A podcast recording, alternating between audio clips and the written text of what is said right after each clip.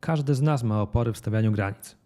Każdy z nas ma problemy w wyznaczaniu tych stref, na które się godzi i na które się nie godzi. Jeżeli nie masz takich problemów, to gratuluję.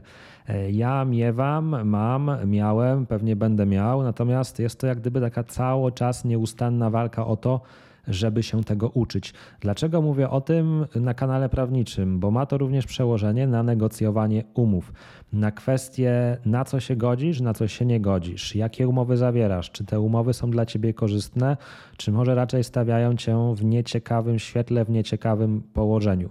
Już tłumaczę, w czym rzecz. Mm, chodzi o to, że często bywa tak, że dostajesz umowę, czytasz tą umowę, coś w niej nie rozumiesz, coś ci się w niej nie podoba, a mimo wszystko ją podpisujesz. Podpisujesz ją dlatego, że boisz się, że gdy powiesz, że coś ci się nie podoba, to druga strona z ciebie zrezygnuje.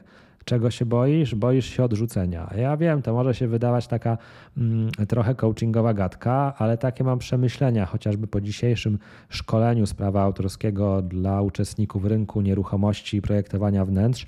Tam doszliśmy z uczestnikami do takiego wspólnego wniosku, że właśnie największą obawą przy umowach jest ten lęk, że ktoś z nas zrezygnuje.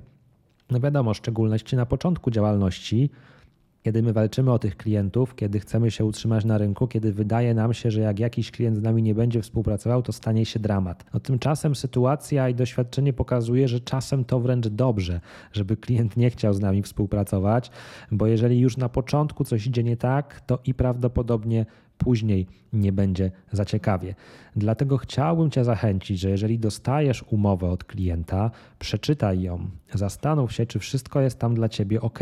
Na przykład, jeżeli masz umowę związaną z prawami autorskimi i widzisz, że te pola eksploatacji są bardzo szeroko opisane, że masz tam również jakieś zobowiązania do niewykonywania autorskich praw osobistych, przenosisz również prawa zależne, a przy tym wynagrodzenie nie jest jakieś szczególnie lukratywne dla Ciebie, no to może zasugeruj tej drugiej stronie, przepraszam, ale to nie do końca jest dla mnie satysfakcjonujące.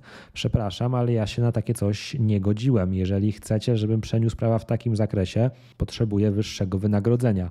Nie musisz się bać, nie musi cię paraliżować lęk, że druga strona odmówi. Jasne, może odmówić, ale to pytanie, czy faktycznie chciałeś pracować z kontrahentem, który traktuje ciebie w ten sposób, w charakterze takiego podwładnego, czy chcesz być faktycznie dla niego partnerem w tej relacji umownej.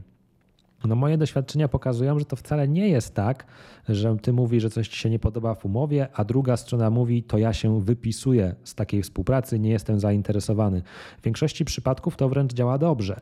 Czyli ty mówisz, że ci się coś nie podoba w umowie, druga strona zaczyna dopytywać, widzi, że ty masz wiedzę, masz doświadczenie, widzi, że masz jakieś pojęcie w tym temacie, bo na przykład rozróżniasz pola eksploatacji, bo na przykład wiesz, na czym polegają prawa autorskie, osobiste, prawa zależne, zaczyna też widzieć w tobie jakiegoś rzeczywiście równorzędnego partnera, a nie tylko jakiegoś podwykonawcę, któremu coś zlecić, zapłacić i zapomnieć.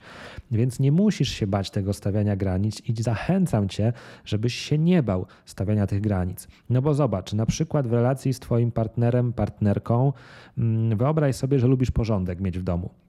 No i ten partner, partnerka rozrzuca po tym mieszkaniu ubrania, nie sprząta, e, ciągle panuje nieład, chaos, czujesz się z tym źle.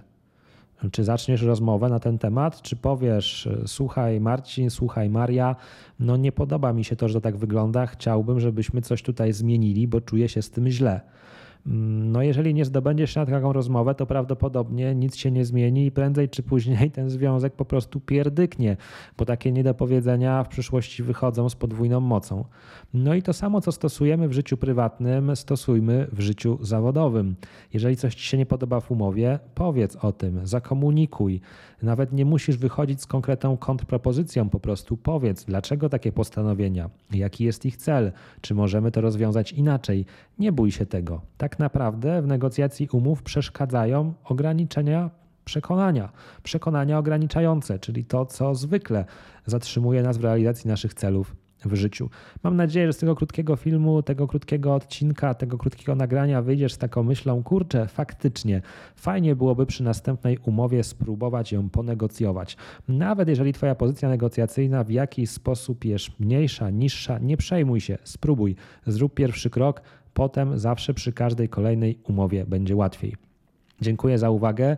Trzymam kciuki za Twoje umowy, za Twoje negocjacje. Jeżeli podobał Ci się ten odcinek, oglądasz go na YouTubie, to wiadomo, zostaw łapkę w górę, zasubskrybuj kanał.